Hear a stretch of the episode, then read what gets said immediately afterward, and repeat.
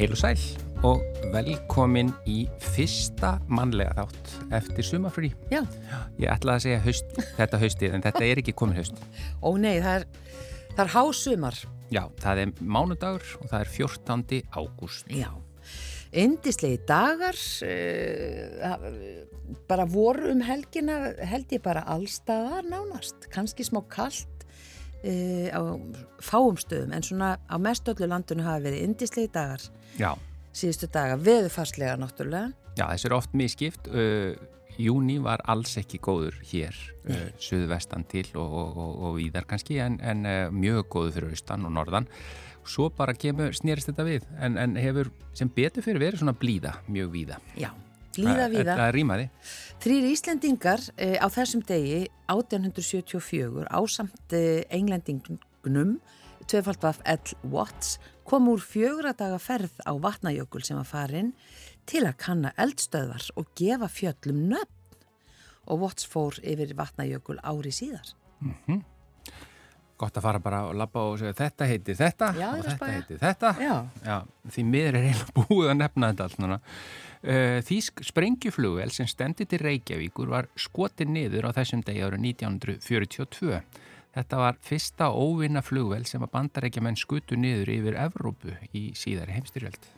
Svo var það 1942, golfsamband Íslands var stopnað og það er eh, elsta sérsambandið innan ISI. Félag íslenskra radioamatöra var stopnað á fundi í Tjarnarkaffi í Reykjavík á þessum degi árið 1946. Og sama dag lendi landflugvilin á Vestmanniða flugvelli. Já. Það er að segja fyrsta landflugvelin. Já, ekki bara landflugvelin með, með, með greini. Alþingi samþykti breytingu á skipan kjördæma á Íslandi á þessum degi árið 1959 var þeim fækkað úr 28 í 8 um leið og þingmannum var fjölgað úr 42 í 60. Og svo er það Rúvak, eh, Akur er að deild ríkisútvarpsins eins og hér stendur. Eh, hún tók til starfa á þessum degi 1982 og við sendum þeim auðvitað. Bestu hverju norður. Já, og kleinur. Er það? Nei, ég segi bara Já. svona. Eh, Nú í, býða í þau bara, huganum, nú, í huganum. nú sko. eftir kleinum frá okkur. Já, en uh, verslunarmiðstöðin Kringlan, hún var opnuð í Reykjavík þann 13. ágúst 1987, þannig að hún átti afmæli í gær. Og við ætlum að rifja upp hvernig þessi fyrstu dagar í Kringlunni gengu fyrir sig með fyrsta framkvæmtastjóra Kringlunar, Ragnari Atla Guðmundsinni viðskiptafræðingi. Hann var lokkaður í starfið frá Hampiðunni uh, og þetta var skrifað í helgapóstin uh, í ágúst. Kringlan er verslunarmiðstöð af þeirri gerð sem kallast MOL á ennsku. Skipulagið er þannig að tvær stórar verslanir sem fullvíst er að muni laða til sín mikinn fjölda viðskiptavina eru settar í sitt hvort enda. Í þessu tilfelli er um að ræða hagkaup sem leggur undir sér norðurendan og bíkó sem fyllir þann siðri. Og já, svo er skrifað miklu, miklu meira. Já. En uh, við skruppum bara í kringluna í gær og rættum við uh, hann Ragnar Alla Guðmundsson, fyrsta framkvæmtastjóran og fengum að vita svona hvernig þetta var. Það var mikill hasar í gangi. Já, ég man mjög vel eftir þessum tíma þegar þetta var að opna. Uh, við fáum sendan fyrsta vinkilinn frá honum Guðjóni Helga Ólafsinni, það er að fyrsta vinkilinn eftir sumafrí og þetta sinn ætlar hann að bera vinkilinn að því sem hann kallar þvælingi og þvottavíl. Hann útskýrir þetta væntarlega betur hér sjálfur á eftir. Svo er að lesandi vikunar sem hefur aftur göngu sína mánudögum í þættinum. Í dag er það Margrét Kjartansdóttir, lagfræðingur og samskiptastjóri hjá úrvinnslu sjóði.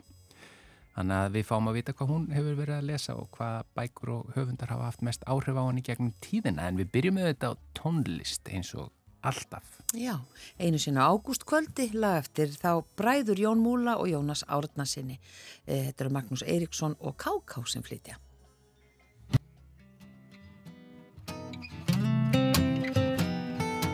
Einu sinn á ágúst kvöldi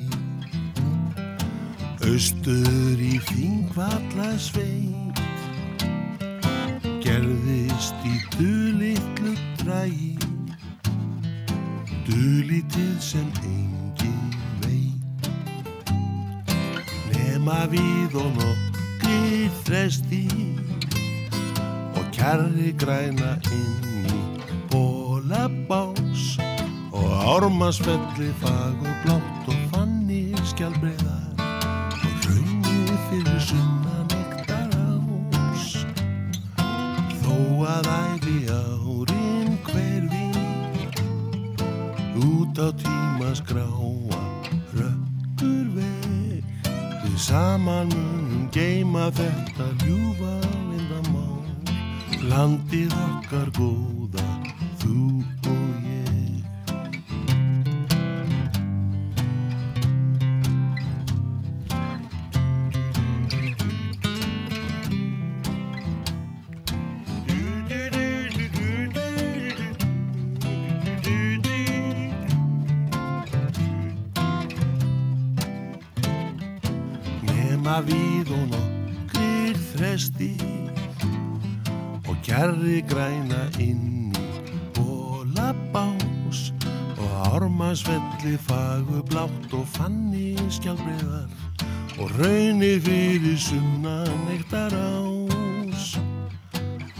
að æfi árin hverfi.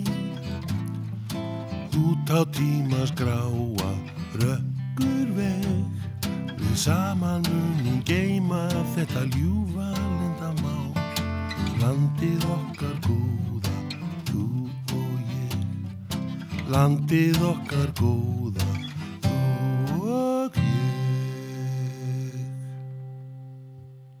Þarna söng Magnús Eiríksson einu sinna á ágústkvöldi eftir þá bræður Jón Múla og Jónas Árnasinni og það var Kristján Kristjánsson sem spilaði á gítarinn með honum.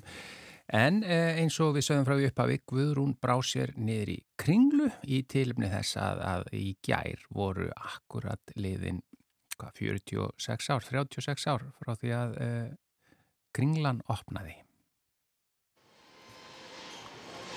Við erum komin bara í kringluna og ætlum að ræða við eh, Ragnar Atla Guðmundsson sem var fyrsti framkvæmtastjóri kringlunar og hann situr hérna gengt mér. Ég segi bara til ham ekki með daginn. Já, þakka þið fyrir. Þetta er, ánægilegu dagar alltaf Já, að vera statir í kringlunni 13. ágúst. Eh, Sá dagur var valinn á sínu tíma því að það vil svo til að Sigur Gísli Pálmásson við unnum mjög náið þessu verkefni, hlið við hlið. Hann átti ammali þá, en ég var því ágjur á þessum degi. Það var að opna 13. Hvernig er það sko? En svo sagði Sigur Gísli við mig, myndi þið líða betur ef það væri ammælistafurinn minn? en allavega, Já. Ég var fenginn í þetta verkefni ungu maður, 28 ára gamall og hérna var áður í hampuðinni, þeir þekktust vel Pálmi og, og Magnús Gustafsson fórstöru hampuðinnar og uh, úr var að ég tók að mér þetta verkefni að sjá um framkvæm kringlunar og uppbyggingu. Og við vorum hérna mjög ungi menn þá, ég og Sigur Gísli og kunnum ekki mikið fyrir okkur í þessu máli.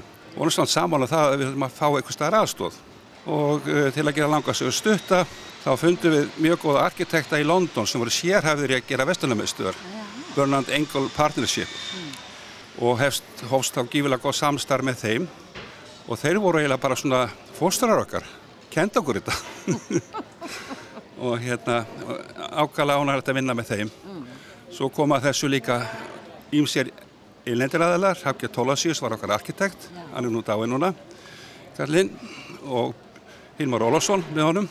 Vaffins Tíð, sem heitir Verkis í dag. Og þar var hann hérna Þorkell okkar. Og hérna hann var yfir verkfræðingur.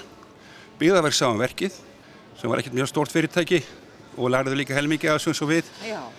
Þetta tókst og þetta gekk á, það gekk á ymsu um, ég veit ekki alveg hvað sem ekki að fara í nákama hluti og svo fjármálinn þetta mis Já, heyrðu, byrjum kannski bara á því, eh, hérna, rennum að segja við hvað Helgapósturinn skrifar hérna uh, í ágúst einmitt. Og bara svolítið skemmtilegt að heyra hérna, það er ennþá verið að stækka kringluna, Ragnar. Það er bara, hérna, hin, hinnum einn við okkur er plast og það er á bakvið verið að saga og bóra og gengur og ímsu. Við vonum að þetta trubla ekki mjög e, hljóðið í viðtalinu. En Helgapósturinn skrifar þarna 27. ágúst í viðtali e, við þig.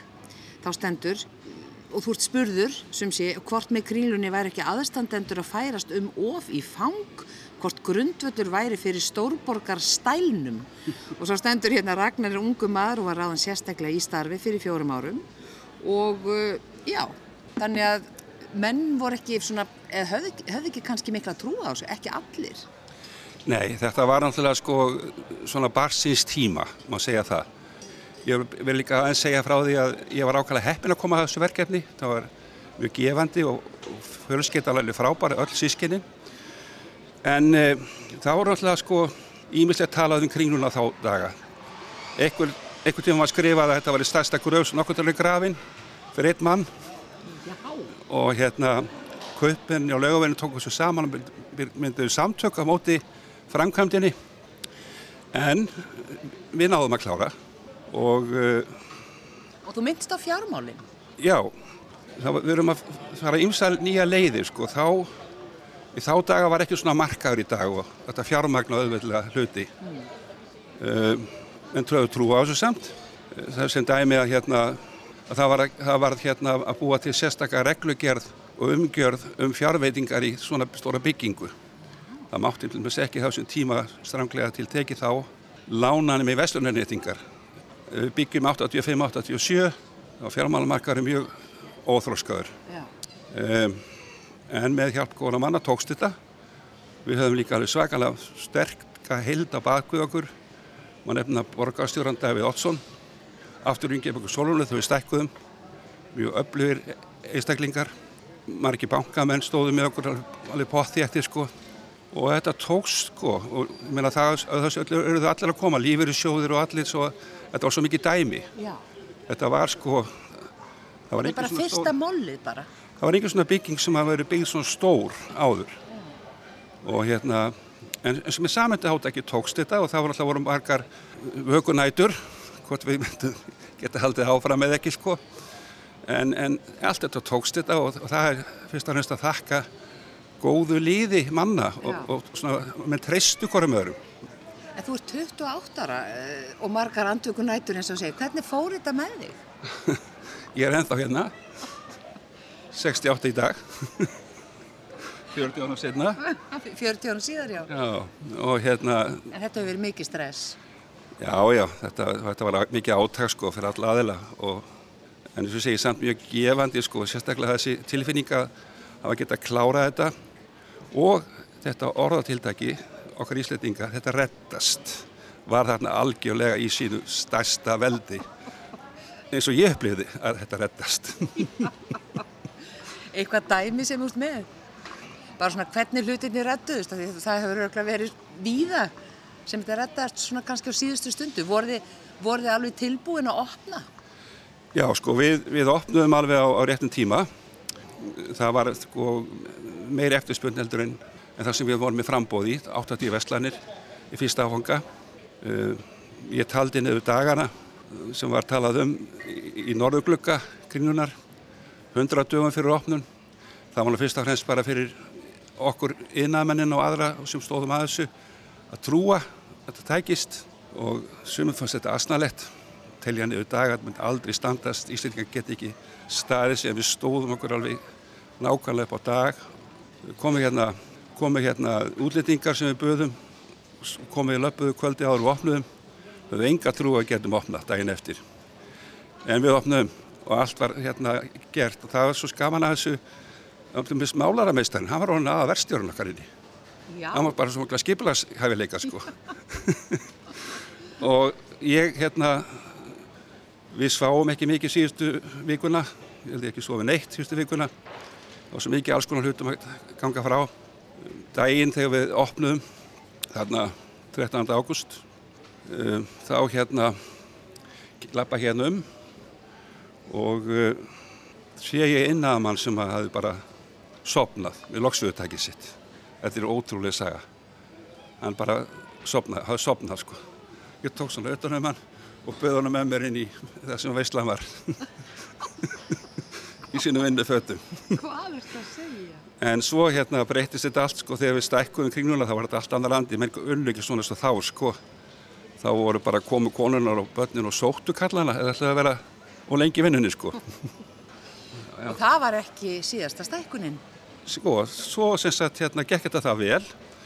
Og við stóðum líka fram fyrir ákveðinu ógnun, smáralind var að opna og uh, það sem að gera í svo liðs að sókn er besta vörnin. Það sögðum við alltaf uh, Sigur Gísli og, og fjölskyldan. Og hérna þannig við ákvæmum að stækka. Og náðum alveg á mjög góðu hérna, skilningi hjá borgaríðvöldum þá, Ingeborg Solrúnu, um að stækka, þe þeim vantaði mér í bílastæði við borgarleikúsið, gera saman eitt bílastæði og tengja við borgarleikúsið og borgarkringluna sem þetta við höfum keift áður.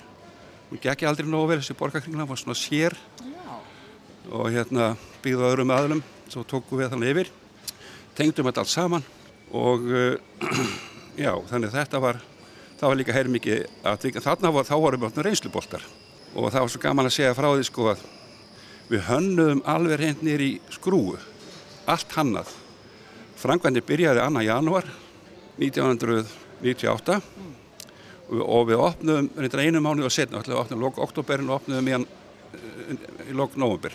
Þá sem sagt fór kringlan upp í 53.000 fermetra úr 28 og 180 í Vestlandir og á sama tíma, þessu eina ári, þá tókum við neðri hæðin alveg gegn það var sem sagt endur nýjall innhettingar á neðri hæðinni, gömlu grunni. Þannig að þetta var mikið, mikið, mikið áttak og við höfum alveg frábara verktaka, ístak sem að voru þá hérna, stóðu sér sakalega vel, Kolbjörn og hans menn, mikli kappar. Já. Það var líka svo gaman aðeins sko þegar við, við höfum svona síningaglöka að maður hort út í gömlu klingunni og sé framkvæmdinar. Það komið sem, við fengum 20% meiri aukningu þetta ár að viðskiptavinnum að því maður voru alltaf að skoða framkvæmdinar. Já. Já, bara fólk aðeins gaman að þessu. Já.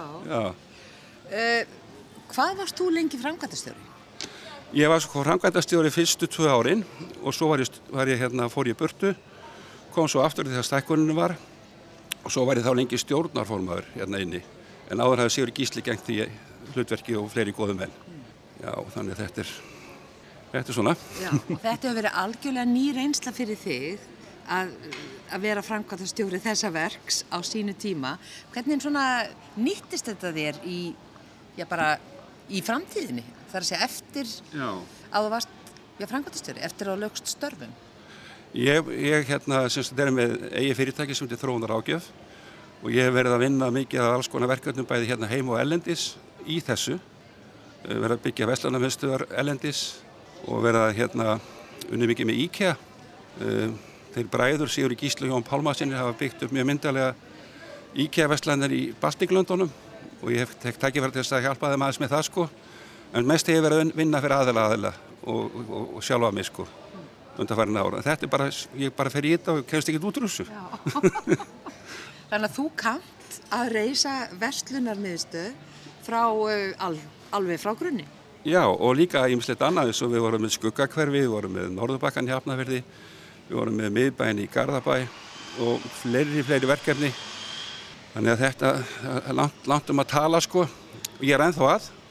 Ég er að vinna mjög skemmtilega verkefni í hveragerði, ferðartengdu verkefni með ágætis mönnum og uh, já, þannig að hver veit, það er svo bara svo gaman að þessu, maður getur ekki hægt. Ég ætla að mynda að segja, er þetta ykkur bakterja bara? Já, það líka við. það er svo gaman að vinna eitthvað sem maður hefur áhuga á, ekki satt. Að hlakka til alltaf að vakna mótnan og gera eitthvað skemmtilegt, sko. Það er það. Já. Sérðu grínuna fyrir þér bara stækka ennþá meir?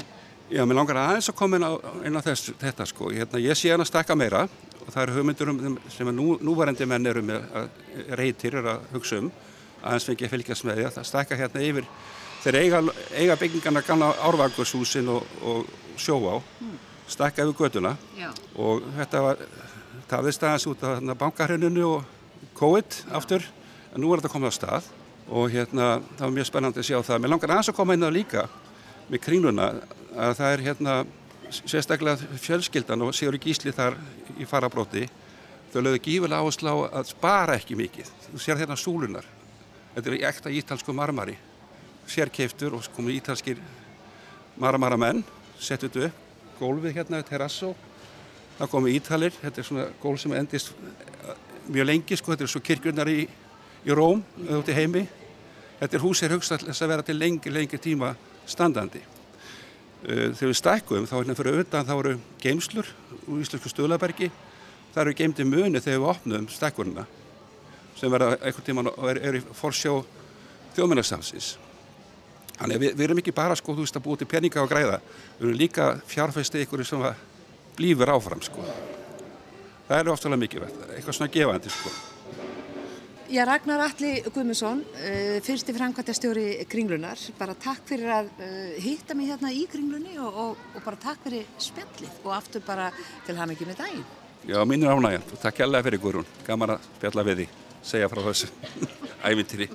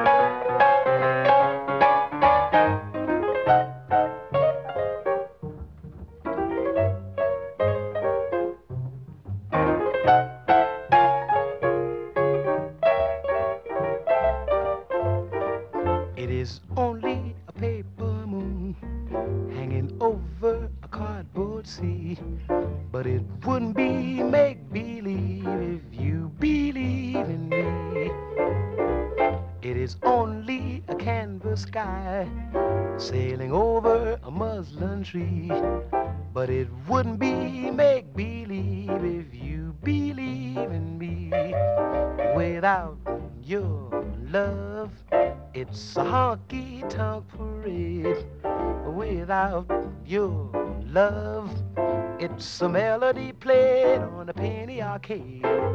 It's a Barnum and Bailey world, just as phony as it can be.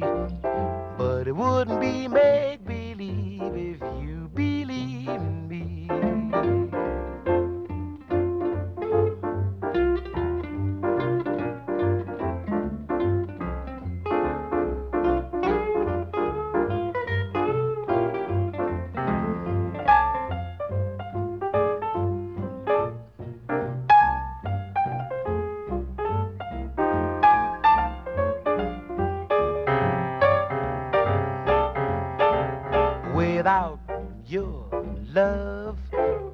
honky tonk parade.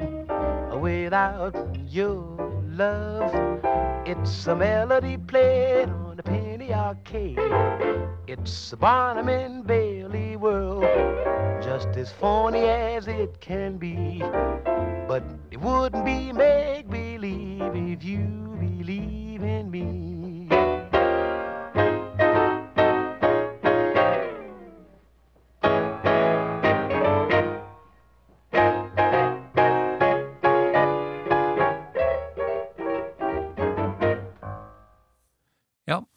Nat King Cole uh, og It's Only a Paper Moon eftir þá Rose, Harburg og Arlen. Og þá er það Guðjón Helgi Ólafsson með fyrsta vingil eftir sumarfrí. Ágætu hlustendur. Nú er mikil gæðastund hjá mér. Ég er að sötura kaffi og möila ristað brauð. Og er svo sem ekki neitt að gera fram að hádegi þannig. Ekki nema að setja í þvottavél og, og yfirfara einhverja pappýra. Það er eiginlega ekki vinna þegar maður er í svona góðu skapi. Ef ég hefði vanið mig á að kvíða alltaf fyrir þeim verkum sem er eftir að vinna hefði hjartað sprengt sig út úr rifjahylkinu fyrir löngu síðan og bundið enda á allt mitt stress. Auðvitað þarf að halda áfram í verkunum, það er ekki spurningin. En hugsunarlaus galeðu þrældómur er vonandi ekki í tísku lengur.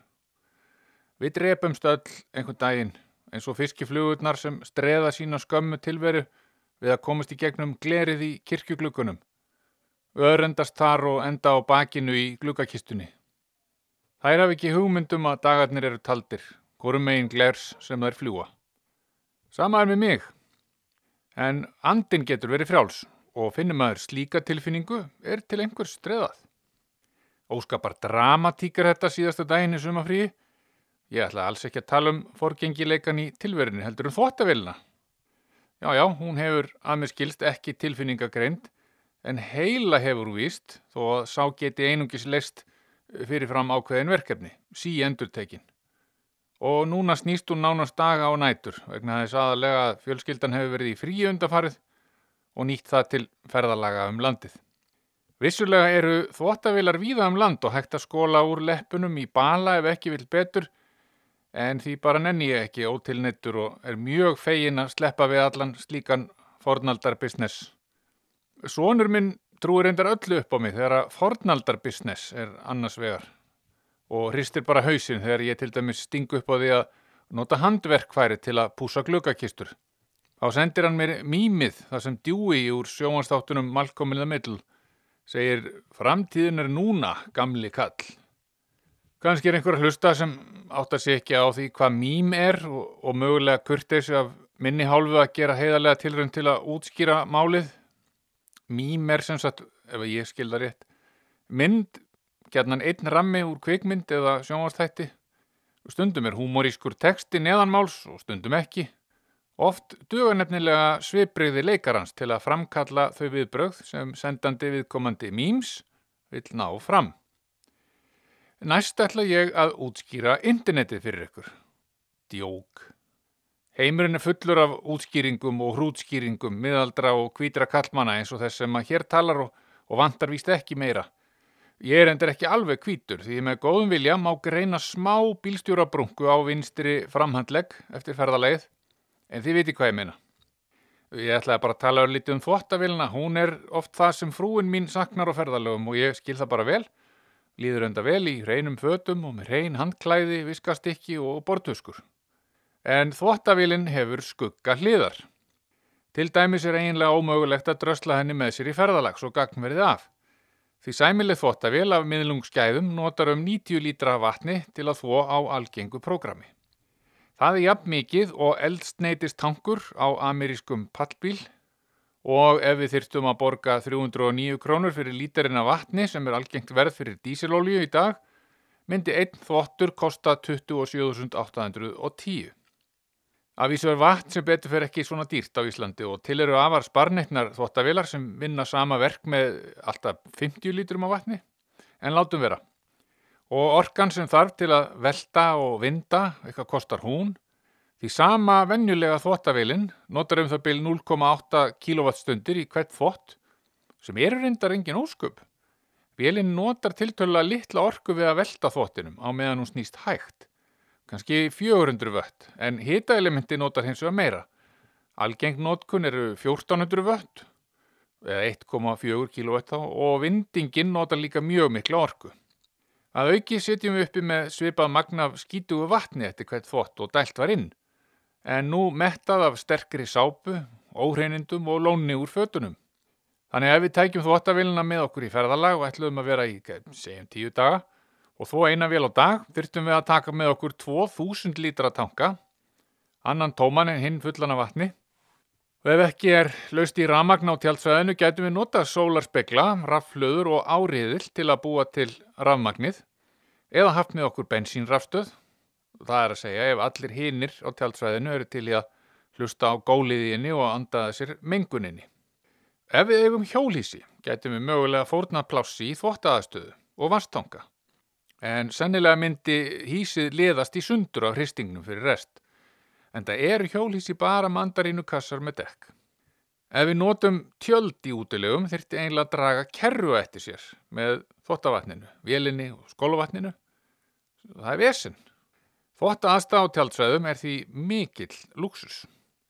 Sérstaklega ef veðurfar er ekki hagstætt.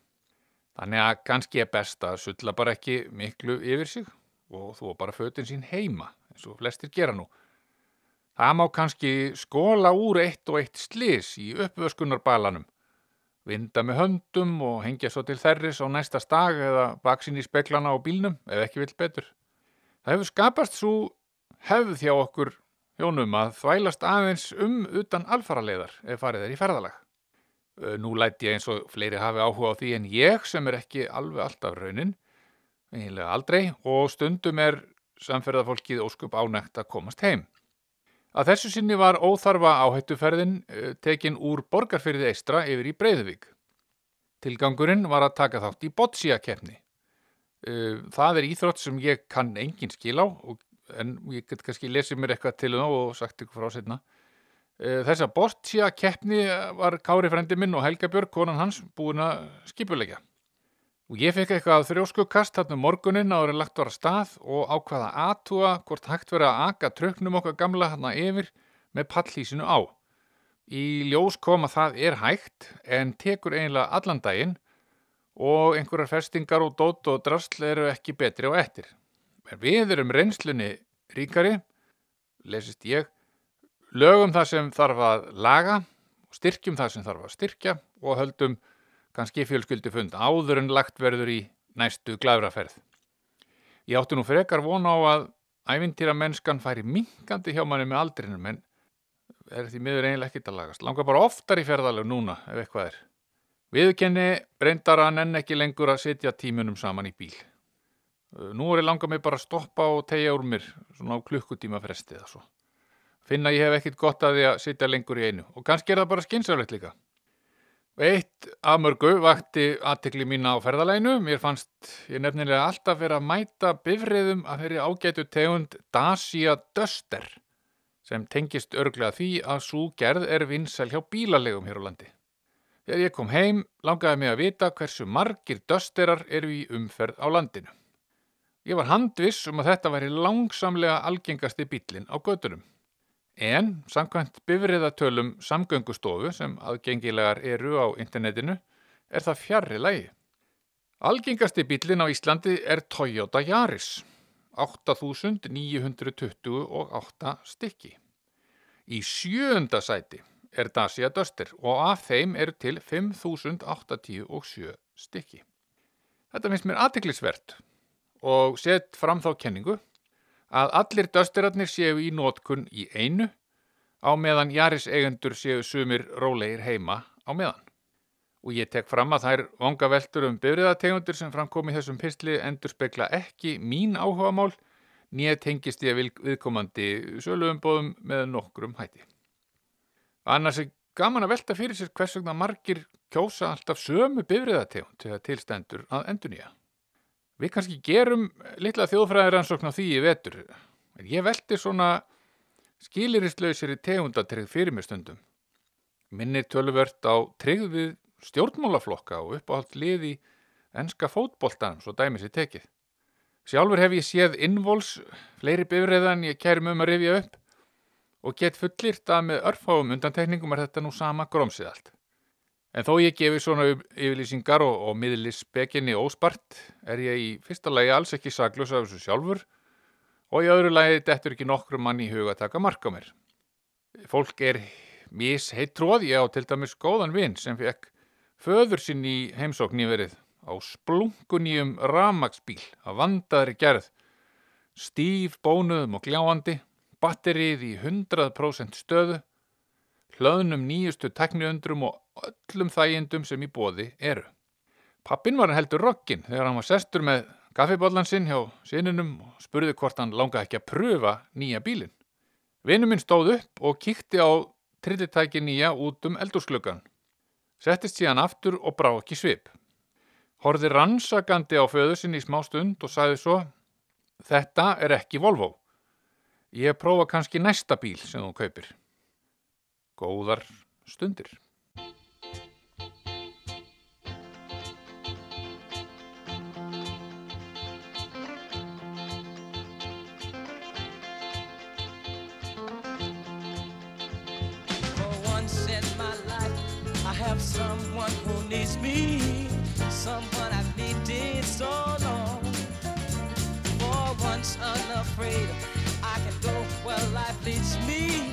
Somehow I know I'll be strong. For once I can touch what my heart used to dream of long before I knew. Oh, someone warm like you would make my dream come true.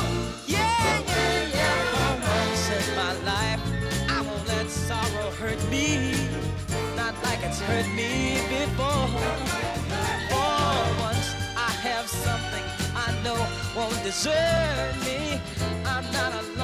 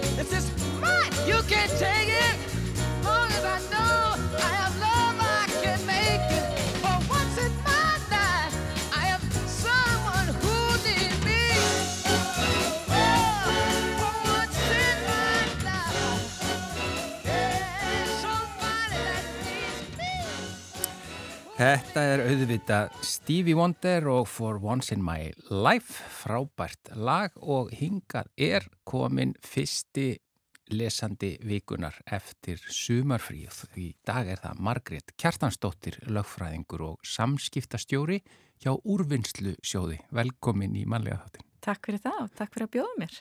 Það er bara með mín er ánægjan.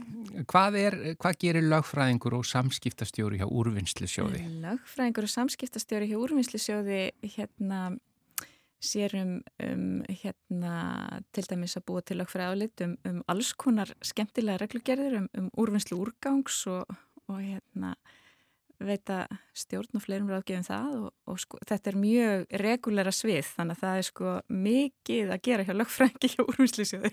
Það er alveg Sko, endalsverkefni úrvinnslu sjóður er sem sagt, að ég er ekkit eins og vissum að margir viti hvað það er. Nei, fæstir vita það. Já, Úrvinnslusjóður er, er sem sagt ofnbært fyrirtæki sem að, að hérna, eða ofnbært stopnun sem að e, sinni hlutverki sem að svona annar staðar í heiminum er oftast í höndum engaðila Mm. en það er nefnilega þannig að þeir sem framleiða vörur Mm.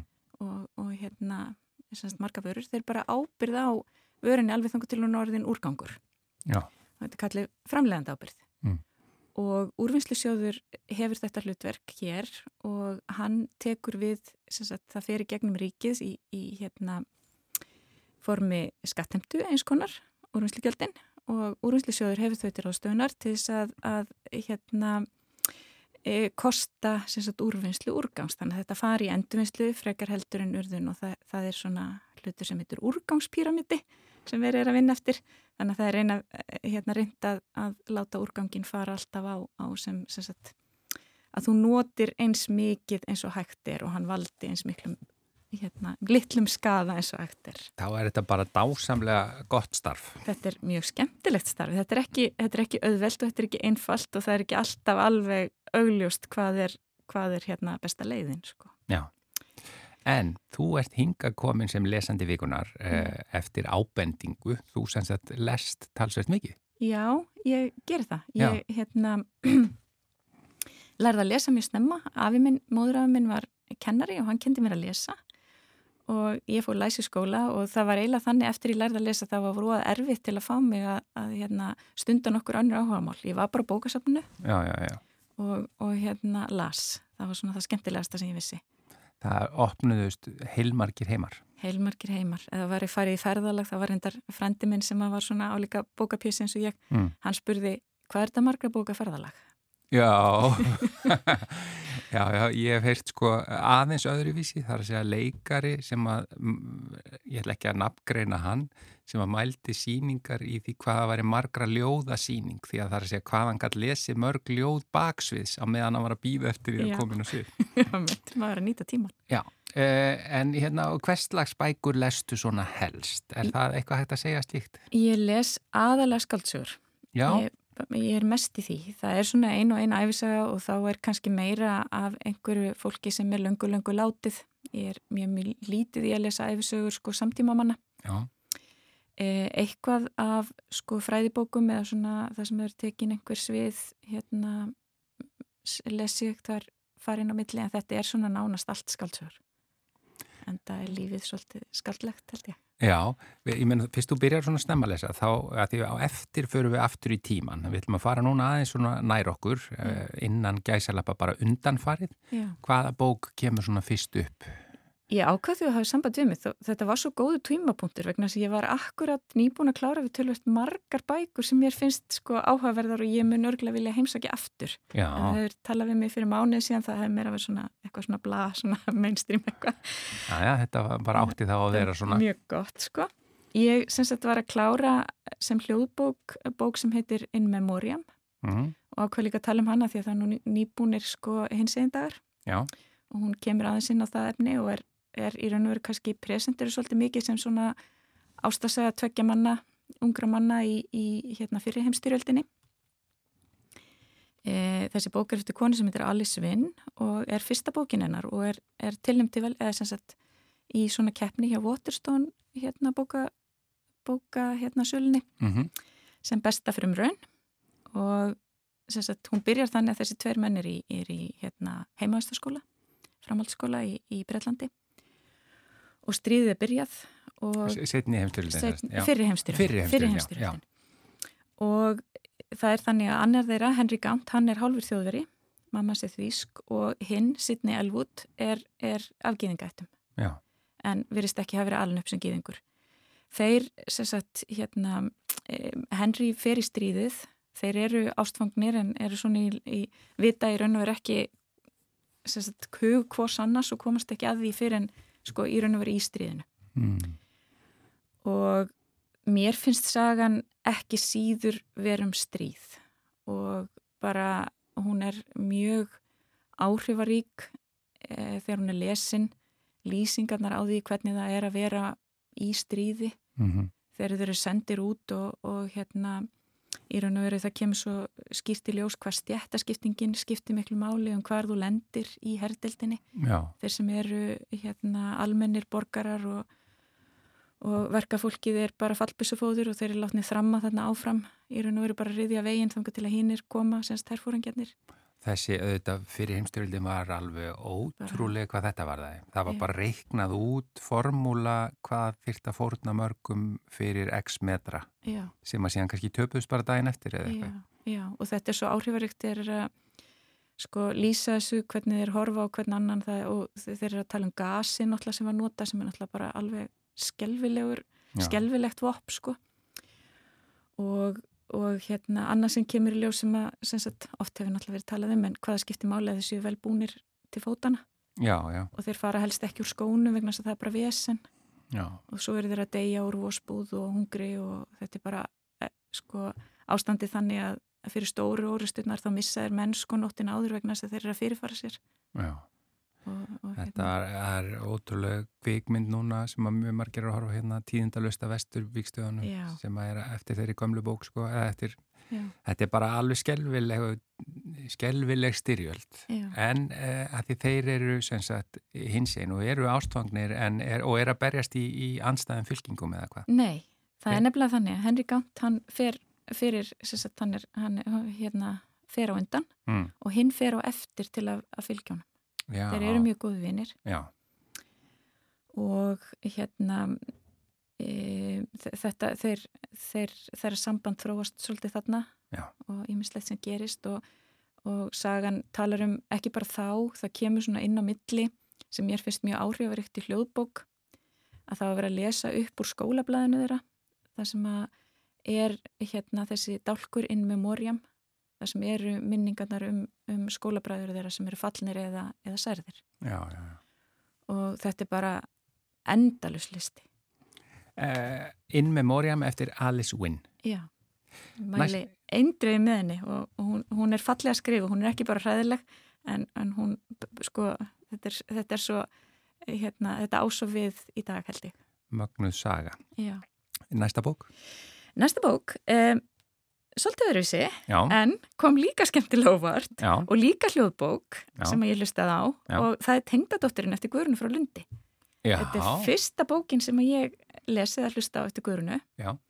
og ég hef lengi ætlað að- hérna, komast yfir eitthvað og var, ég er í tveimu bókaklúpum og það er svona búin að stinga upp á henni oftar en einu sinni og svo loksins var fallist á það, þetta væri svona auka bók því að var sumar og langur tími á milli og Silja les þetta dásamlega Silja. Aðalsteins, Já, já, já. alveg dásamlega og það komi svo óvart af því þetta hefur oft verið talað um þetta sem einhvers konar svona ástasögur og rómans og svona Mm að þarna finnst mér aftur hérna hún taka svo mikið hvað á, áhrif umhverfisins er mikil á fólk já, já, já.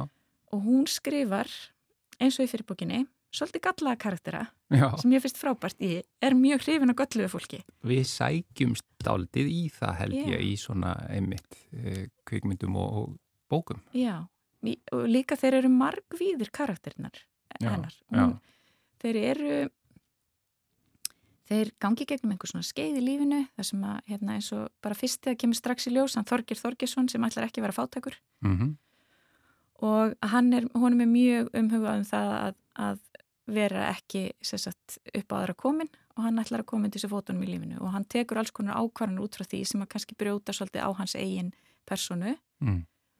og, og gerir hann kannski ákveði harðan og, og svona, hvað ég segja, hotnottan og það eru fleiri karakterar svona og svo breytast þér eftir hvernig aðstæðuna breytast eða eins og hann segir svona í lók bókarinnar það er satt sem sagt er að hver dregu dráma sínum dáma sínum sessunauti.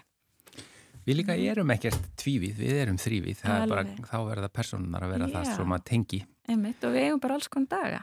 Eh, Við náum einni kannski viðbót á hann og förum aftur í tíman. Já, það er frábært því að ég, hérna, ég vil endilega fá að tala um hana Já, aðeins stutt. Það er hérna höfundur sem ég er ofbúslega hrifin af. Það er Barbara Kingsolver sem ég skilja eiginlega ekki akkur er ekki búið að neytta þýð eftir. King Solver. Barbara Kingsolver. Já, ég er ekki vissum einu sem ég hafa heyrt um hana. Nei, hún skrifa líka oft um að málefni sem að koma okkur svolítið við og tekur svona, hún hefur tekið hamfarahlínun og, og leigumarkað og fátakt og núna tók hún hérna mjög elskaða sögu Dickens, Mhm. hérna David Copperfield Já, og skrifar hann að raun og vera aftur í nútímanum og hún gerist í Appalachia héræðinu og heitir eftir aðalsögu heitinni Damon Copperhead.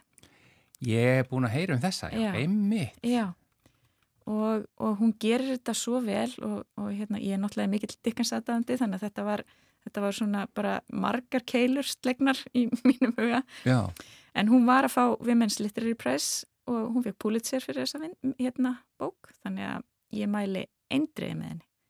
Já, frá, ég held með því að þú, þú mismælir og segir mynd, ég held að sé verið að gera mynd Já, ég held bók, að- sko. Ég held ég hafi listið það líka. Damon Copperhead eftir Damon. Barbaru King Solver. Já.